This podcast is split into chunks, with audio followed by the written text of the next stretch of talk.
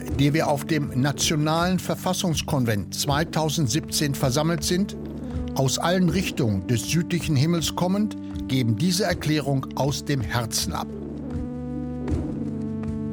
Unsere Stämme, die aus den Völkern der Aborigines und Torres Strait Insulaner bestehen, waren die ersten souveränen Nationen des australischen Kontinents und der angrenzenden Inseln, die wir nach unseren eigenen Gesetzen und Bräuchen besaßen.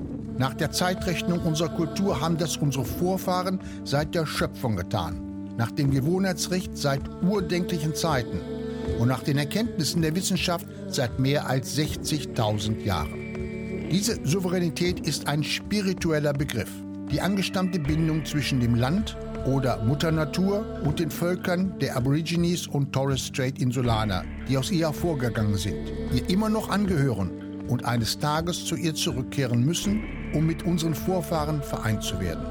Diese Verbindung ist die Grundlage des Bodeneigentums oder eher der Souveränität. Sie ist weder abgetreten worden, noch ist sie jemals erloschen, sondern besteht neben der Souveränität der Krone weiter. Wie könnte es auch anders sein?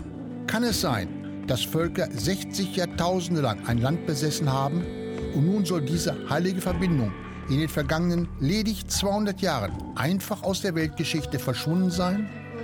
Durch substanzielle Verfassungsänderungen und Strukturreformen glauben wir, diese uralte Souveränität schließlich als vollkommenen Ausdruck Australiens als Nation durchscheinen lassen zu können. Proportional gesehen sind wir das am stärksten eingekerkerte Volk des Planeten.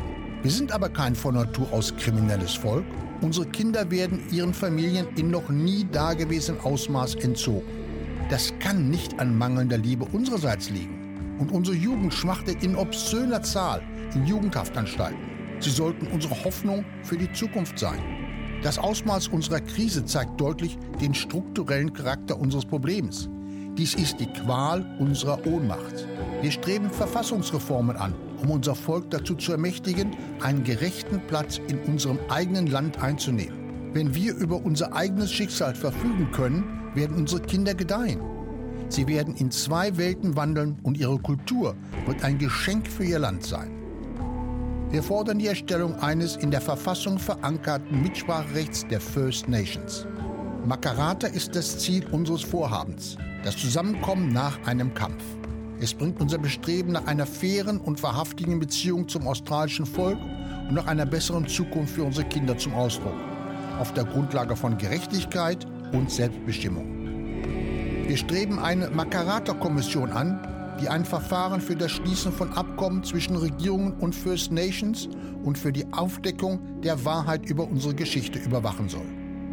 1967 wurden wir erstmals in eine Volkszählung aufgenommen. 2017 wollen wir gehört werden. Wir verlassen unser Basislager und beginnen unseren Treck quer durch dieses weite Land.